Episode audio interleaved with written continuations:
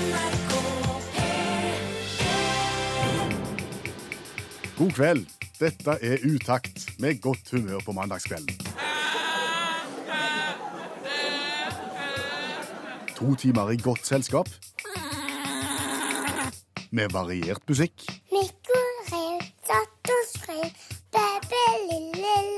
Per Øystein Kvindesland. og Bjørn Olav Skjæveland. Jeg erklærer herved Radioprogrammet Utakt for åpnet. Counting Crows sang om Mr. Jones i programmet Utakt. Fortsatt seint på mandagskvelden, men eh, på, på lånt tid, hvis vi kan si det sånn. Ja, for eh, fra og med 3. april så skal Utakt flytte fra mandagskveld til dagtid på NRK P1 11 til 12 hver eneste dag. Det ser vi fram til. Dette er altså nest siste kveldsutgave. Men formålsparagrafen tar vi selvfølgelig med oss også over på formiddagen. Ja, ja, ja, ja. ja. Utakt eh, har en formålsparagraf som har to deler. Det er at vi skal være eh, godt selskap, og så skal vi prøve å skape godt humør, og hvis vi får til det, så er mye gjort. Du var sein på jobb i dag, du. Ja, men det var ikke min feil. Hvem sin feil er det når du kommer seint på jobb? Det varierer litt, men, men i dag så var det en Chevrolet Nubira. Hva er en Chevrolet Nubira? Det er jo en bil. Ja, jeg skjønte det Det er en spesielle bil. Det er bare en type Chevrolet. Ok. Det, det er jo et merke som Chevrolet kjøpte av eh, noen koreanere. Det heter egentlig Daivo. ok. Jeg hadde jo en Daivo, men det var en Matis.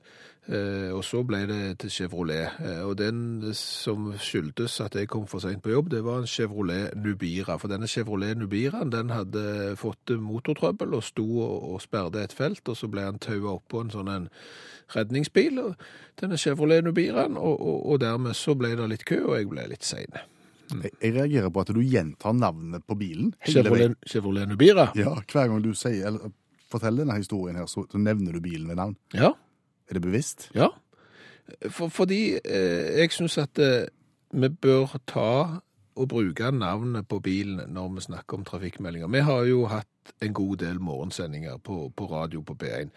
Og noe av det viktigste da, det er jo sånne trafikkmeldinger og sånn. sant? Og hvor mange ganger har ikke vi sagt at eksempel det står en bil med motortrøbbel der og der og der, og det skaper trafikkaos. Det har vi sagt mange ganger. Veldig mange ganger. Men vi har aldri sagt hva type bil det er.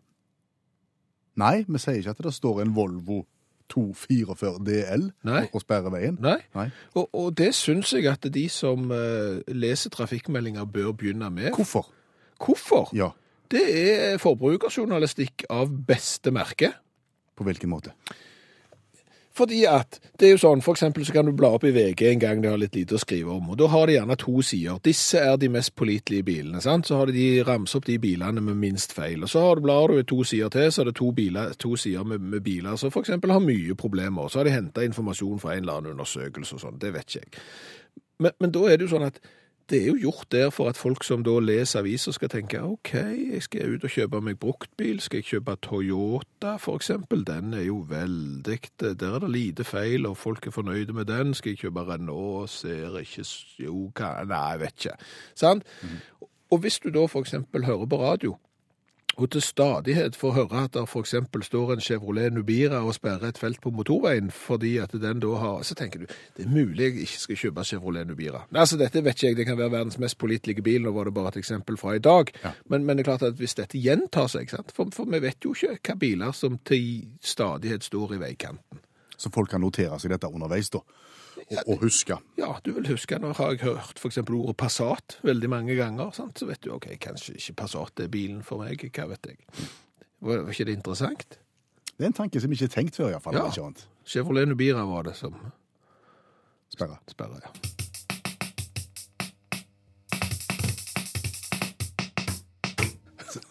Usikker på, på uttalen av uh, artistene her. Altså, sangen heter Breathe, det klarer vi. Eh, framført av eh, Seb og Nev, eventuelt Sib og Niv. Ja, det er alltid kjekt når du skal uttale artistnavn, så du ikke har greie på hvordan det uttales. Men vet du hva, dette var egentlig ikke så dum overgang til det vi skal snakke om nå. Ting vi ikke helt eh, forstår. Fordi at for eksempel innenfor nyhetsformidling, så er det ofte en del ord som blir sagt, som nyhetsredaksjoner og nyhetsopplesere bare tar for gitt at det er ord alle forstår. Ja. Og så, blir det, så brer det seg en forståelse av at det er noe alle kan, og så fortsetter det år etter år etter år. Og så er det ingen som tør å stille spørsmål med det, fordi at da vil det jo framstå som du ikke er spesielt intellektuell. Sparte. Ja, eh, og jeg er bombesikker på at innad i eh, nyhetsredaksjoner òg, så er det folk som ikke forstår det, men de tør iallfall ikke si ifra, for da framstår de jo iallfall ikke som en lekk-lekk. Sånn smart i det hele tatt. Nei. Så hvis jeg f.eks. spør deg, eh, og ber deg definere populisme Ja, Det er jo et ord som blir brukt veldig mye nå i forbindelse med Nederland, f.eks. Høyrepopulisten. ja, det har jo vært breid, bredd seg en høyrepopulistisk vind over Europa, Tyskland, Frankrike og Nederland til en viss grad, men nå ble jo ikke valget i Nederland sånn som kanskje noen hadde trodd eller frykta. Men hva er populisme? Ja. Det er jo et ord som blir brukt hele veien med den største selvfølgelighet, som om alle forstår hva det betyr. Eh, Og og vi må slå litt opp i, i leksikalt eh, internettverktøy for, for å finne det. Men det handler vel det om å snakke folk litt etter munnen. Gi folket det folket vil ha, på en måte? Ja, litt sånn, for dette beskriver da visstnok et sånn et motsetningsforhold mellom eliten på den ene sida og, og folket på den andre. Og en populist, han, han vil si at å nei, de som styrer nå, de der elitefolka, de har ikke greie på det. Det er liksom dere folk, folk flest med den sunne fornuften. Det er jo det som er det smarte. sant? Det er det som er det smarte. Vi må bygge firefelts motorvei midt over fjellet, selv om ingen har tenkt å bruke den, for det sier jo folket. Et eksempel. Okay. Det er jo liksom Høyrepopulisme? Hva, hva er da venstrepopulisme? Det er på venstre sida. Ja, Ja, eh, Motsatt av høyrepopulisme? Mot, veldig mot, det er helt motsatt av høyrepopulisme. Ikke bombesikt, det finnes sikkert. Sentrumspopulisme? Det er litt sjeldnere enn venstrepopulisme, og enda sjeldnere enn høyrepopulisme. og, og det er i midten. Ok. Jeg vet ikke om det heller finnes. Vi skjønner høyrepopulismen, Ja, men skjønner vi venstrepopulismen? Fins han? Jeg tror han skal finnes, fordi at jeg har lest en overskrift en gang eh, om en som savna mer venstrepopulisme. Eh, jeg vet ikke om jeg helt forsto hva han savna, eh, for eh, det er vel men så, ja. Vi, har, vi, vi vet det jo ikke. Nei. Sant? Og, og igjen, vi, vi tar eh, setninger for å være eh, gode bare fordi at de høres tøffe ut, og så forstår vi egentlig ikke eh, hva de betyr. Nei, men Hvis vi er på sentrumspopulismen, da er vi trygge, for da har vi vel litt av høyrepopulismen og litt av venstrepopulismen? Ja, Og litt av, ja, og det er veldig populært. det har jeg hørt. Å ha både populisme fra alle sider. Men det som er helt klinkende klart Yes. nå har vi jo forklart populisme etter beste evne. Ja. Og, og grunnen til at vi har gjort det, er fordi at vi har ikke vært trygge på det sjøl. Det er ingen av oss to i studio som har hatt sammenlignende politikk på skolen. Jeg har hatt eh, kvalitativ forskningsmetode, To vekttall. to vekttall, ja. Og, og jeg har regnet på, på eh, strøm og kvadratroten av minus 1, og likestrøm og vekselstrøm og et mirakel.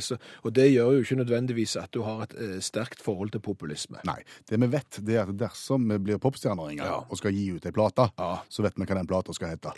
Ingen tvil, den skal hete populisme.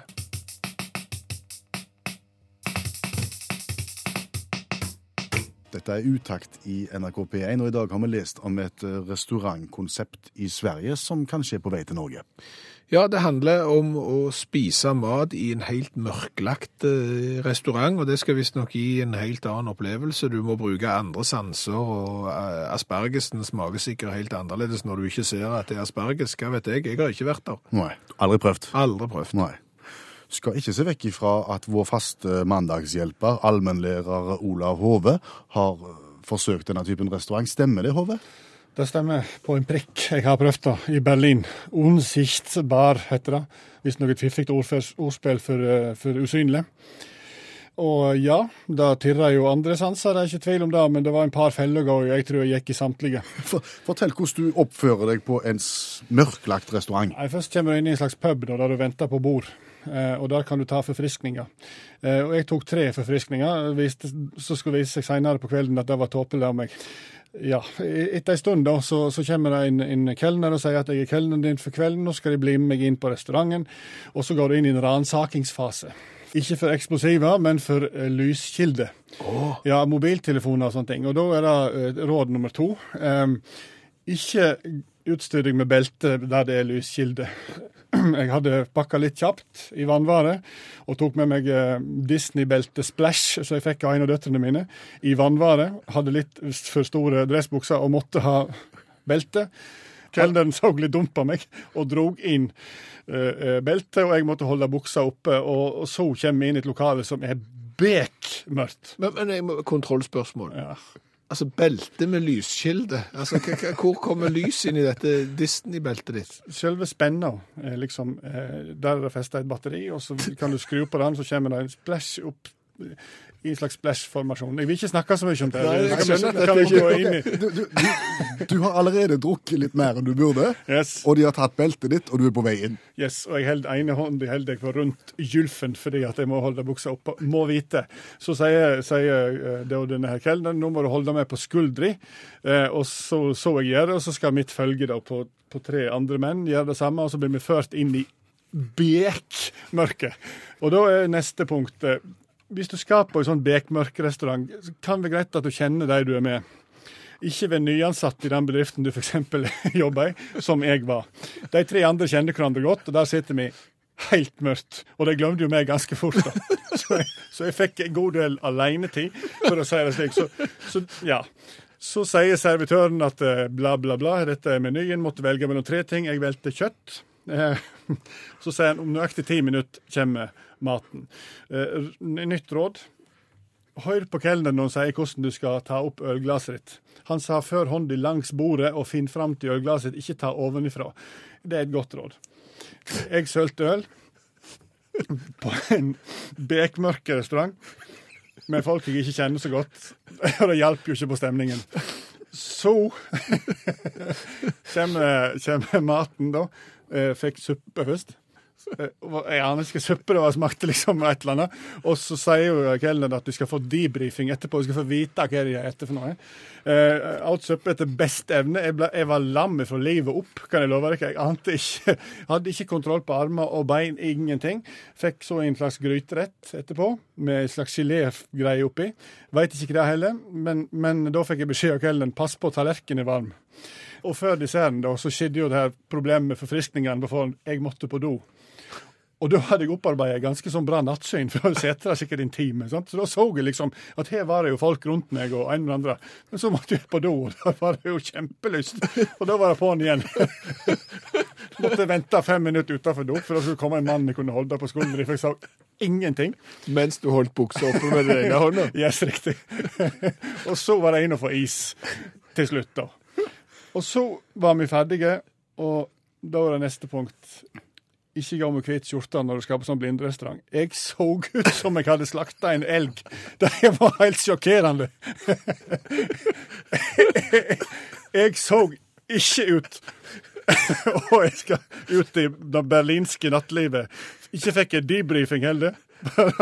Tullingen var mer opptatt av preposisjoner som styrer akkusativ, som jeg hadde med meg som jeg ikke kjente. Så blinderestaurant, bare gå på det, folkens. Jeg blir ikke med.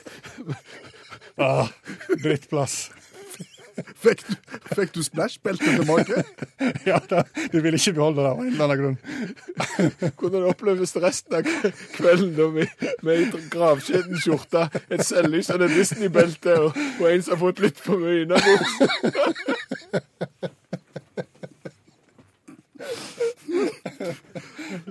Tusen takk, allmennlærer med to vekttall i musikk, Olav Hove.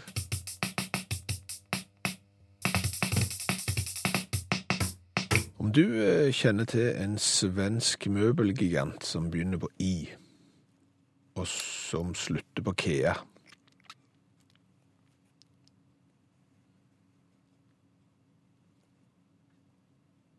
Tenker du på Ikea? Ja, stemmer det. Tok litt tid.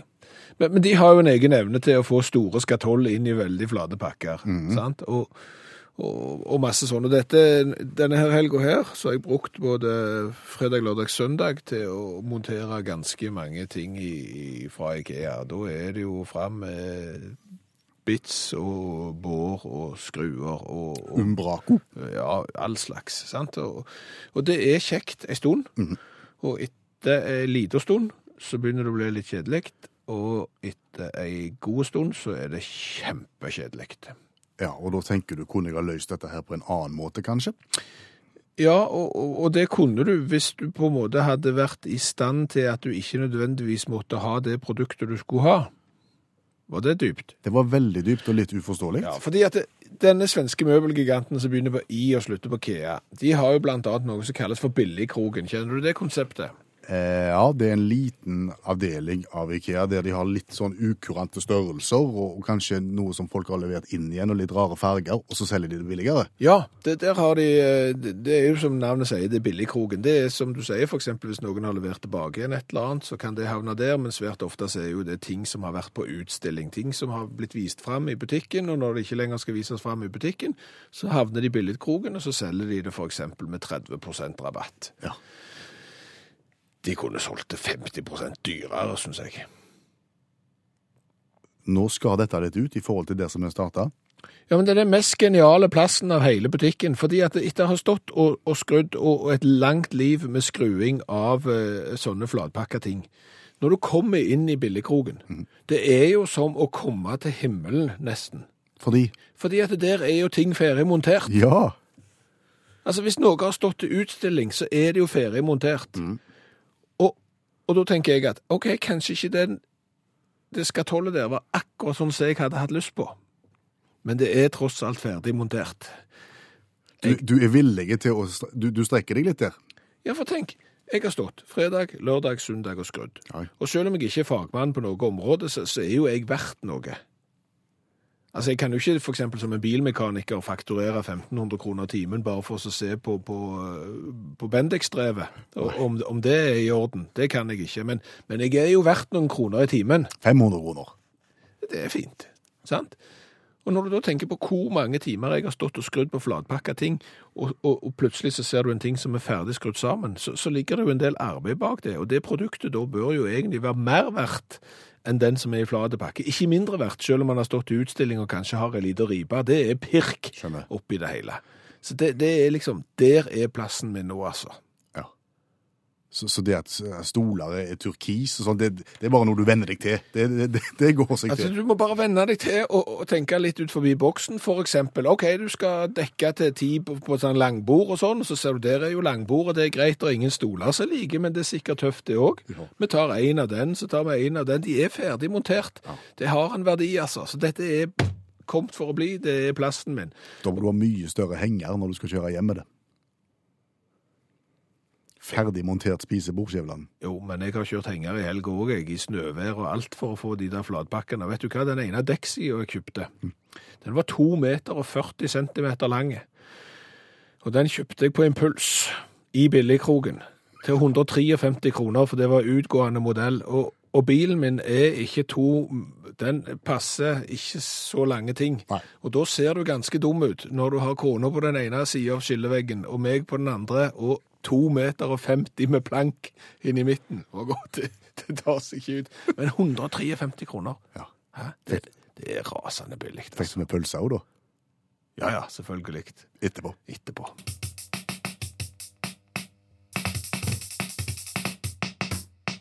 Vi kjenner spillet Monopol.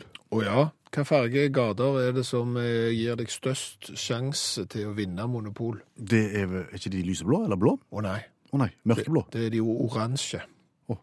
Gabels gate og den slags. Når du kommer ut av fengsel, så er det størst sannsynlighet ved hjelp av to terninger til å få eh, tall som er fra syv og, og åtte og ni og ti oppi der, og dermed så havner du oftest på oransje. Får du de oransje og hotell der, så er sjansen for å vinne av monopol størst. Jeg trodde det handla om å få Rådhusplassen eller Ullevål Hageby. jeg. Nei, for der kommer du aldri. Sånn og de som får de, de har ikke råd til å bygge hotell, så dette er veldig kompliserte vitenskap og nøyaktige vitenskap. De oransje, der har du òg det er såpass billig å kjøpe hus, at du kommer fort til hotell, folk kommer på de, du blir en krøsus, du vinner. Jeg hører du har satt deg inn i dette her. Eh, Det du skal vite, at det nå eh, foreligger en helt ny variant av Monopol, som jeg syns virker spennende. Ja. Det er Queen-monopolet. Queen, ja. Ja. Det stemmer det. Bandet Queen har fått sitt eget monopolspill. Etter mønster fra andre store rockegrupper som har fått det tidligere. ACDC har fått det tidligere, og hvis du eh, har lite å gjøre en dag, Så kan du f.eks. gå inn på internettet og så kan du søke opp eh, på hvor mange forskjellige typer monopol finnes der. Svaret på det er kjempemange. Du har f.eks. Pokémon-monopol, du har Nintendo-monopol, du har Star Wars-monopol, Batman-monopol, Lord of the Rings-monopol, Disney-monopol, og ennå er jeg bare på side 1, der er 19. Og siste nye nå, altså, Queen-monopolet. Ja. Eh, Det du flytter rundt på, da, ifølge internettet her, det er da berømte figurer fra Queen-universet. Fra Queen-sanger. Det kan være en støvsuger, som, som ble kjent fra, fra videoen til uh, I Want to Break Free. Det kan være en hammer som du flytter rundt på, fra Hammer to Fall. Eller så kan det være en sykkel fra Bicycle Race. Og det som jo er greia når du nå skal begynne å spille Queen-monopol, det er ikke at da får du ikke kjøpt deg Gabeles gate, Park eller Kirkeveien eller Rådhusplassen eller den slags. Du bygger deg på en måte en karriere. Du begynner i det små på den lille klubbscenen, og du ender på gigantkonsert på Nebworth. Det er liksom greia. Vil, vil Nebworth-konserten tilsvare Rådhusplassen, da, på en måte? Det er nok eh, Rådhusplassen, ja. Og når du da ser eh, på andre som har fått lov til å, å bli band og ha monopol, som for eksempel ACDC, som The Beatles, som har fått sine monopolvarianter, er det noen band som ikke kommer til å få monopol? Ganske mange Ja. eh, som ikke kommer til å få monopol. Ja. Du vil ikke finne Milli Vanilli-monopol. Nei, og Milli Vanilli-monopol vil nok aldri komme. Og, og det er gjerne ikke alle som husker hvem Milli Vanilli var. Nei, det er ikke så rart, egentlig, for Milli Vanilli kom fort og forsvant like fort. Ja, og, og de forsvant vel på en måte som var litt ugrei òg. Det viser seg at de to som sang, de sang ikke. Nei. Men de var veldig fine. Å se til. Ja, De hadde langt hår, og, de hadde rastafletter, og de var gode å danse, men de var ikke spesielt gode å synge, så dermed så fant de noen andre som sang.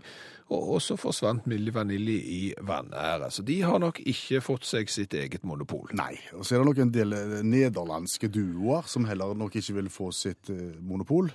Spill. Nei, Bowlen and Bowlen har jo vært med i nederlandsk Grand Prix, blant annet, eh, og, og eh, utgitt den fantastiske singelen You're in the Army Ja, men det blir ikke monopol av det. Det blir ikke monopol av det, nei. Nei, det gjør ikke det, sa du.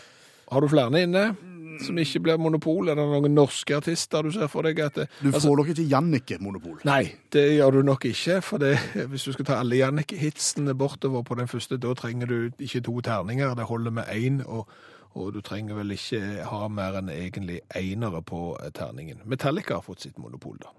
Det er kanskje ikke fullt så rart. Nei, det er Deep ikke. Purple burde fått sitt. Ja, og Deep det, Purple er jo skapt for monopol. ja, fordi at de kunne jo hatt sånn eget sånn eh, kort, i stedet for deres hus og hoteller brenner, så kunne de hatt bare deres hoteller brenner. Ja. Smoke on the Water, historien om når hotellet i eh, Sveits brant og opptaksutstyret til Deep Purple forsvant.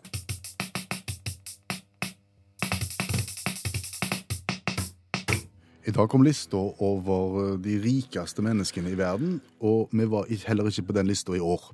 Nei, vi har prøvd, men det nytta ikke. Nei.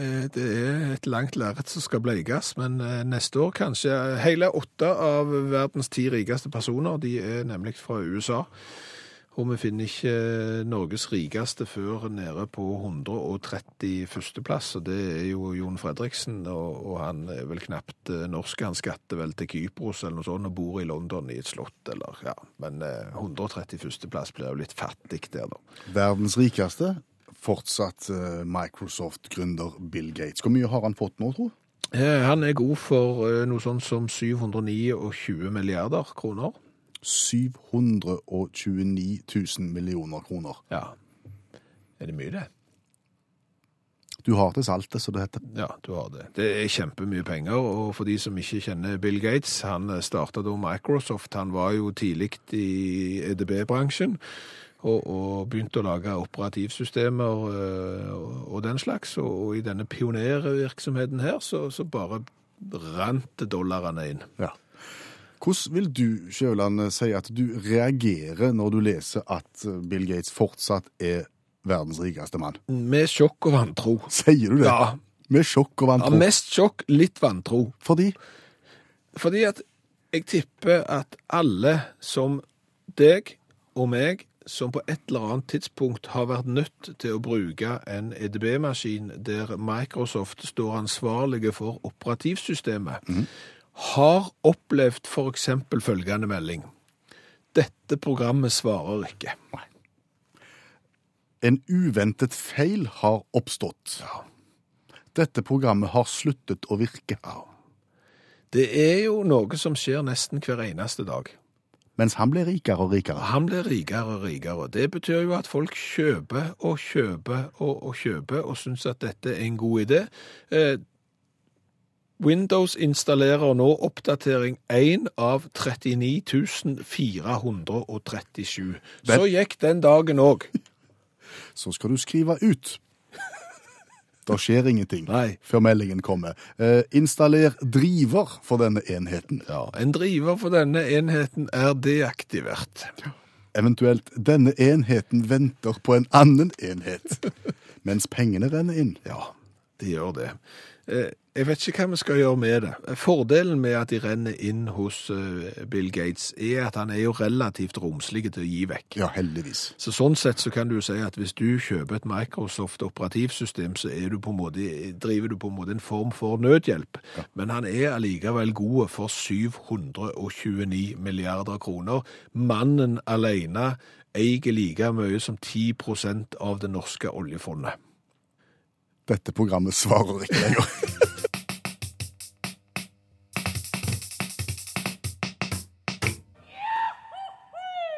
Som indikerer konkurranse.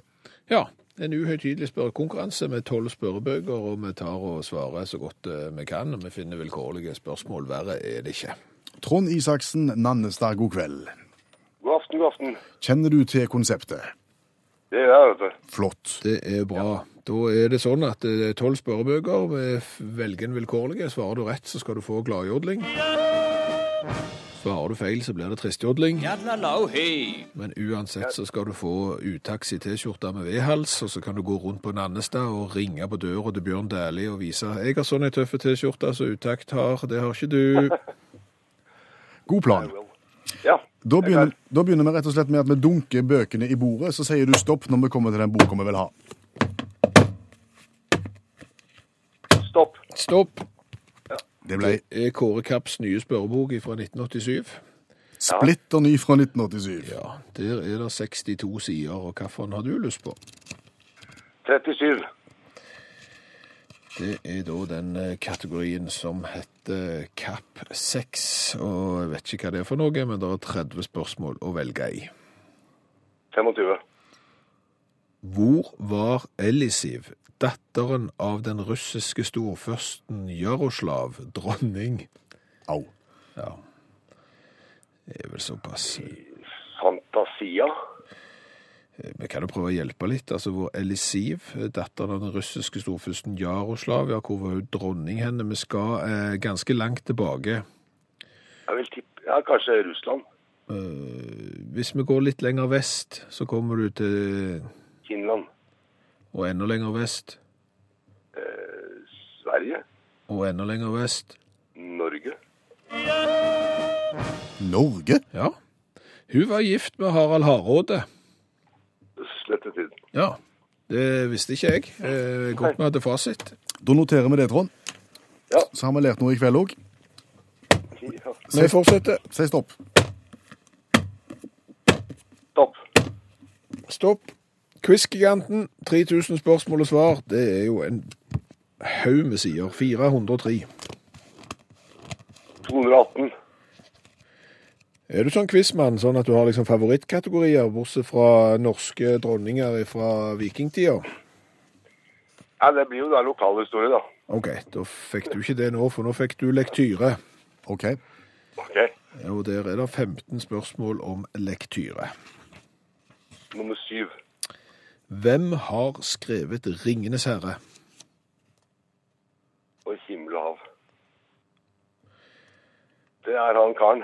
Ja, Ja. det er han karen, sa du. Det er det. Og, og, og filmene, det, det er den der einen når de går litt, så slåss de litt, så går de litt til, så slåss de, og så går de kjempelangt, og så slåss de lenge. I nummer to Ja, så går ikke, de litt er lenger. Er ikke film 1 til 17? Ja, 1 til 3 iallfall, er mye slåssing. En En engelskmann? Tolkien, som heter det. Der kom det plutselig. Ja, der kom den der. Flott. Det er glimrende. Ti spørrebøker igjen. Én sjanse. Okay. Ett spørsmål igjen. Stopp. Barnas egen spørrebok, nummer 19 fra årstallet et eller annet 60-tall her. Haugammelt er det iallfall. Ja, ja. Og der er det ja, Den er i ferd med å dette fra hverandre, den boka. 69 sider. Da tar vi nummer 18.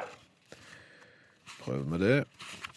Og da er vi kommet til en kategori som heter så mye som litt av hvert fra planteriket. Litt av planttrekket, ja. Ja. ja vel. Med 19 spørsmål. Da tar vi nummer tre. Hvorfor må det være planter i et akvarium? For at fiskene skal få oksygen. Har du akvarium, Trond? Nei, jeg har ikke det, men farmoren min hadde det. Så da lærte du det?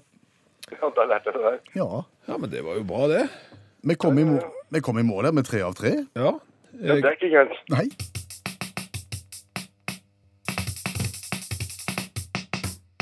Og nå kjenner jeg, Skjæveland, at nå må jeg jobbe med å ikke være forutinntatt. ja. Gjenta etter meg.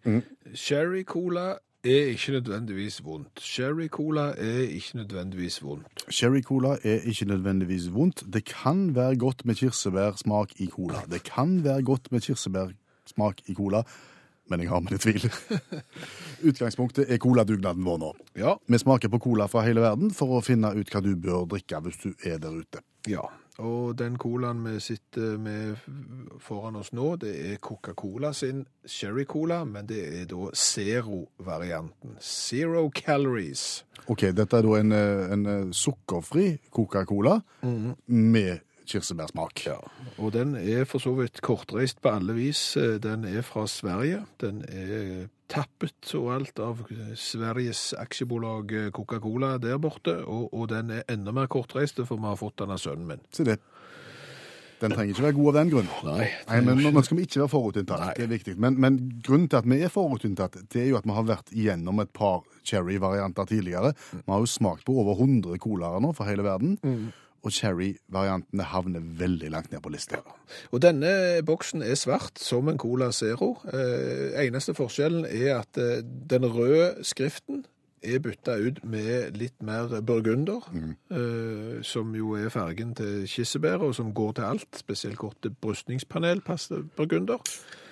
Vi åpner, Ja, og Så skal vi først gi karakter for smak, og så skal vi gi for design etterpå. Og hva var det du skulle si til deg sjøl? At kirsebær i cola kan fort være godt. Kirsebær i cola kan fort være godt. Kirsebær i cola kan fort være godt. Kirsebær i cola er ikke godt. Det fins ikke godt. Det er pyton. Hva er det de tenker på? Nei, hva er det de tenker på? Det er meningsløst. Nei, det går det an å gi null?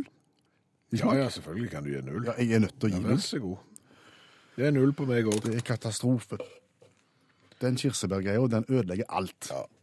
Og så, boksen, helt grei. Verken mer eller mindre.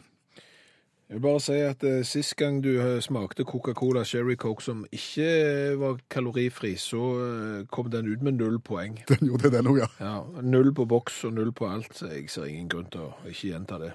Det er null på alt. Null på alt. Null poeng på bånn. Slutt med kirsebær. Ja. Det er moralen.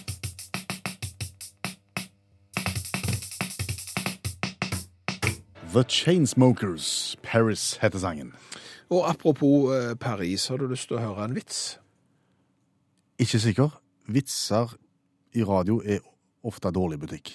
Ja, eh, jeg er for så vidt enig i det, men dette er da en vits eh, om Paris. Ok, det er Paris som tema? Ja, og, og, og det er da lest av en andreklassing.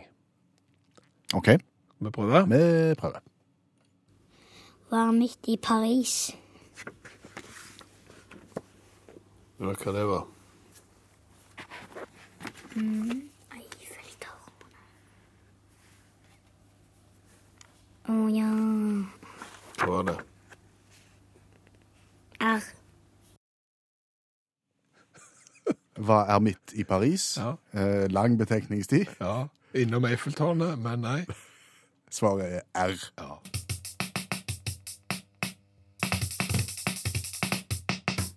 Og tidligere i sendingen Skjæveland, så hadde vi besøk av, av allmennlærer med to vekttall i musikk. Ola Hove. Som som har vært på restaurant i, i, i Tyskland. Hvor det var helt mørkt. Ja. Og, og, og det er et restaurantkonsept som det ryktes er på vei til, til Norge, og der vil vel du eh, si nei, ikke gjør det. Nei, det tror jeg ikke. Men, men det er vel, eh, så vidt vi har forstått, andre restaurantkonsept òg som du har prøvd, som du ikke vil anbefale videre hvis noen vil etablere seg i Norge. Ja, når jeg kom gravskjeten ut av blinderestauranten og fikk på meg dressjakka og, og lysbeltet mitt, så gikk vi videre ut i det berlinske nattelivet. Og da skulle vi på konsept eh, eh, ble det sagt av eh, mine venner som jeg ikke kjente så godt. Og da gikk vi på en pub som heter Das Klo. Das Klo? Ja, Das Klo. Og hvis du tar vekk Klo, så her får du, får du på en måte oversikt over konseptet. Det var dass. Alt var do. Du satt på do. Eh, Du drakk av sånne bekken. Hvis du fyller dem med øl, så ser det ut som urinprøve. Eh, Du hadde ikke servietter. Du hadde du, toalettpapir. Ja. Altså restaurantene inn, eller pubene innreda som, som do. Ja. På alle mulige måter. Som et toalett, liksom. Skjønner. Ja, ja. Ehm, og det gikk helt fint, helt til han ene ifølge mitt som ikke ville ha øl. Han ville ha pølse. Han bestilte pølse, fikk uh, soyapølse med brun saus på i et bekken. Det så ikke ut som pølse i et bekken, det så ut som noe annet i et bekken. Og da gikk vi. Da gikk vi, da. da, da gikk da, var, da var det nok den kvelden, liksom. Ja. Men, eh, men, men toalett, liksom, som, som konsept, det fins over, over hele verden. Du har liksom eh, I Thailand, for eksempel, så har du toalettrestauranter der alt blir servert i toalett. Da kan du tenke deg sjøl. Kjøper deg en salat.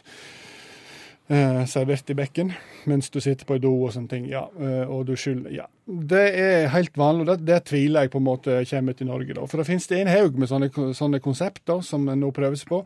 Eh, og, og en av de sånn irsk som jeg mener kommer til Norge, Pay as you please. Det har jeg kanskje hørt om. Kommer fra Kilmarny i Irland. Der skal du betale maten så eh, Altså, du betaler ut ifra hvor mye du syns den er verdt. Det hørtes ut som et uh, lite lukrativt konsept. Jeg får gåsehud og griner visstnok, fordi at folk er ærlige da, på dette da. Uh, så har du mer sånn I USA er jo Conflict Kitchen ganske populært. Har vært i, i ti år nå. Conflict Kitchen det er da serverer du mat fra land som USA er i konflikt med. Jo, eller nordkoreansk restaurant, som det heter fram til nå. Nå serverer de kjøttbuller og ja, danske pølser og det, i det hele tatt spansk mat. Nå er det inter, veldig internasjonalt. og Conflict Kitchen. Men vi er ikke uenige med så mange, da, så det, det vil jeg ikke si. Eh, Heller ikke eh, Kattekafeen i, i Kattekafé-konseptet fra Tokyo er, tror jeg kommer til Norge. Det er jeg vet ikke, jeg vet det I Tokyo er ikke det så lov med kjæledyr på mange leiligheter, så derfor så tar de ka kafeer med katter. Eh, eh, Nekorobi, eksempel, den har 50 katter som går rundt i restauranten mens du spiser. Og de tusler rundt beina dine mens du spiser. Ja, og klokka halv ni hver kveld er mating av kattene. Det er visst en attraksjon. På linje med mating av tiger i Dyreparken, så kattematingen er store greier. Tror ikke det kommer. Men meg og kona var på en eh, nesten tilsvarende restaurant på Samos eh, en gang. Den hadde bare én katt, eh, men den pistet da på beina til kona mi mens vi spiste haifisk. Så det var Øka totalopplevelsen. Andre ting. Disaster Café fra Spania. Eh, Loré de Mar har en Disaster Café. Der fyller det i tillegg til middagen fyller det med et jordskjelv på 7,8 på Richter-skala. Risting i huset. Ja, selve gulvet er på sånn fjøresystem, da. Og så blir det i løpet av kvelden et jordskjelv på 7,8 på Richter-skala. Det er jo kjempeinteressant hvis du hadde kommet inn med den grunnpromillen som du hadde i Berlin, og så begynner du å riste. Da, da hadde det vært Og litt løs buksa. Nei, det, det, jeg tror ikke det kommer, liksom. Det viser seg at servitørene har hjelm og tallerkenene er kjempetunge. Og i løpet av en kveld så går alarmen, og så, så rister alt. Og så får du oppleve hvordan det er å gå på restaurant mens det er ekstremt kraftig jordskjelv. Og gode priser på milkshake. Ja, ikke minst. Ikke minst. Se det, da vet vi litt om konsepter som fins, men som antageligvis ikke kommer. Og det skal vi være glad for. Tusen takk, allmennlærer med to vekttall i musikk, Olav Hoven.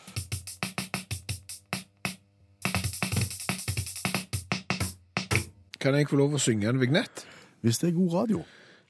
Jeg er søren ikke sikker på om det er god radio, men eh, vi får prøve. 20 spørsmål fra Studio K7, uten publikum og musikk og panel. Vignetten holder fortsatt ikke mål, men konseptet har vi fått såpass mange tilbakemeldinger på at vi, vi gir det en ny sjanse. Ja, konseptet er jo NRKs legendariske radioprogram 20 spørsmål. Men istedenfor at lyttere sender inn vanskelige ord på postkort, og at det sitter et panel i studio som skal gjette hva det er snakk om, så er det sånn. Jeg finner en rubrikkannonse på internett. Og du, Per Øystein, du skal prøve å gjette hva det er som er til salgs. Ved hjelp av 20 spørsmål. Og du som hører radio, skal da på en måte følge prosessen underveis, for du skal snart få vite hva jeg skal finne ut av. Eh, Jeg trekker meg vekk, og du forteller lytterne hva jeg skal få vite. Det nye testamentet, både på norsk og engelsk. Det nye testamentet på norsk og engelsk. Da er vi klar. Da er vi klar, ja. Eh, Er dette her noe du tror jeg ønsker meg? Jeg tror ikke det. Eh, Er dette noe som fins i de tusen hjem? Ja, i en eller annen fasong. Gjerne ikke nødvendigvis akkurat i denne fasongen, men, men det er ikke uvanlig i det hele tatt. På ingen måte. Eh, Gjerne plassert innendørs i de tusen hjem? S vil si at det er 100% innendørs. Akkurat. Er det en pyntegjenstand? Nei. Eh, Er det et kjøkkenredskap? Nei. Hører det hjemme i stua? Ja. Ja, fortrinnsvis i stua. Ja. Altså, Akkurat. Er dette noe som brukes av barn? det òg. Mm, alle, kan, alle kan bruke det. Er det Ikke de minste, da. eh, går Ikke det, så interessant. Da kommer det gjerne en annen type. Det er, der er egne versjoner for barn. går det på strøm? Nei, ikke, ikke ennå. Det var, det var løye. Det går ikke på strøm. Nei, det det, er veldig manuelt. Det er veldig veldig manuelt. manuelle ting, dette Ja, her. veldig manuelt. Er, er dette noe som mennesker har på en måte hatt i sine boliger i mange, mange år, eller er det en, en nymoderne ting, dette her? Er det et ja-nei-spørsmål, det? Nei, men det er greit. Det, ja, det har vært i, i de tusen hjem i, mange, mange, mange mange år. I uminnelig tid. Altså Ja. mine foreldre har hatt det. Ja, det er jo for de før det, og, Å, og i en eller annen versjon, ja. ikke pyntegjenstand. Eh, kan det brukes til noe praktisk? Ja, ja. Ja, altså, hva er praktisk, da? Altså, du kan ikke lage mat med Nei, det, liksom. nei, det er ikke et verktøy. Nei, det er ikke det. Så det er liksom praktisk, praktisk. Ti spørsmål. Er det, er, det, er, er det noe som du kan oppbevare ting i? Nei, på ingen måte. Nei. Er det tungt? Nei, 500 gram, kanskje. Halv kilo. Ja, sånn. Um, er det vakkert? Denne versjonen her er hverken mer eller mindre noe utpreget vakkert, men, men de, kommer i, i, de kommer i luksusutgaver som kan være veldig forseggjort og fine, og så kommer de på en måte i mer sånn billige versjoner. Henger det på veggen? Nei. Står det i bokhylla? Ja! Det er ei bok. Ja! Det er ei bok som, 15 spørsmål. som, som mennesker har hatt i Det er gamle steng... Det er, det er en bibel. Ja, det Er det en bibel for salg? Det er en bibel for salg. Hva type bibel da, må tro? Er det så mange forskjellige bibler? Nei, det er jo for så vidt Ja, det er jo for så vidt det, da, men, Er det et nytestamentet? Nytestamente? det er et nytt testament, ja. Akkurat.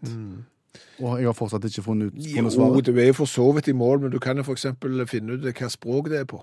Oh.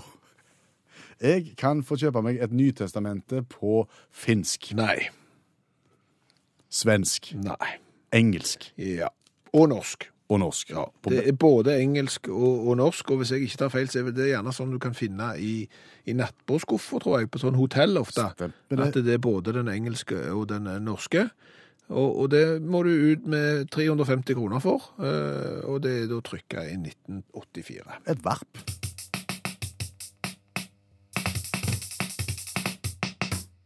Grupperabatt. Mhm.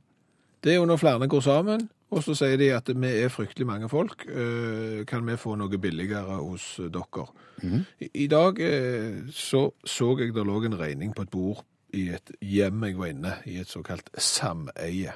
Og når jeg så hva de betalte for TV-kanalene sine, så ble jeg i dårlig humør. Ble du litt misunnelig? Ja, men altså, Hvorfor får de så billige TV-avtale i forhold til meg? Fordi at jeg bor i frittliggende enebolig, og de bor i, i eh, et bygg som har liksom eh, åtte leiligheter, og ved siden av der så er det et nytt bygg med, med åtte leiligheter. Det følte jeg var litt urettferdig, det må jeg bare si. Og da tenkte jeg, hva hvis jeg slår meg sammen med naboene mine, og så lager vi på en måte et sameie av frittliggende eneboliger? Tror du det går? Eller må du ha på en måte felles vegg for at du skal kunne slippe unna med f.eks. sånne avtaler som det? For det er den samme TV-leverandøren som jeg har, har hatt, og, og, og den leverandøren jeg så regningen lå på, blant annet. Du kan jo prøve. Altså, altså, du har jo så mange definisjoner her. Du har jo fritt Nei, du har jo enebolig i rekke. Er jo, er jo noe som meglerne bruker. Ja, Hva er det? Jeg sier det. Henger de sammen på Ja, da er det et rekkehus. Det er enebolig i rekke. Da, da deler de vegg? Ja. Så da, da må de bare male fasaden på en måte, og så er de de to på enden som må male siste veggen? Stemmer det. Det okay. Så hvis det kan være enebolig i rekke, så kan du ha sameie med, med løs, løse, tenker jeg, andre veien. Ja, det er godt. For, for, for det der er, det er litt snedig med sånne grupperabatter og sånn. For, ok, vi har det eksempel i fagforening, og da har vi jo tilbud om eh, altså reiseforsikring og sånn, men, men har du hørt at noen har forhandlet seg til billigere mat? Nei. Ja, Coop og sånt. At du, hvis du er medlem av, av eh, kooperativen Ja, men det der få- er det 3 der, det er jo bare tull og vas, for det er jo sånn at du betaler jo mer i butikken, så får du pengene igjen en annen Det gang. er jeg ikke sikker på Ja, at kooperativene jeg... er enig i, men ok. Nei, men ok, de er gjerne ikke enige i det. Men tenk deg nå eksempel dette sameiet som jeg var inne i i dag, som da har forhandlet seg frem til en rimelig eh, avtale på TV. De hadde en ganske rimelig avtale på internett òg. Hvis de da eksempel sier at vi vil ha brød, Ja.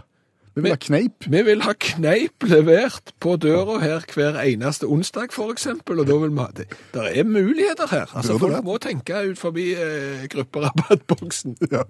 Så, du, så da går du til naboen i morgen. Ja, i morgen så lager jeg et nytt uh, sameie for å få oss eh, noe billigere internett og fjernsyn. Ja, Og pass på at du sier sameie når du foreslår dette.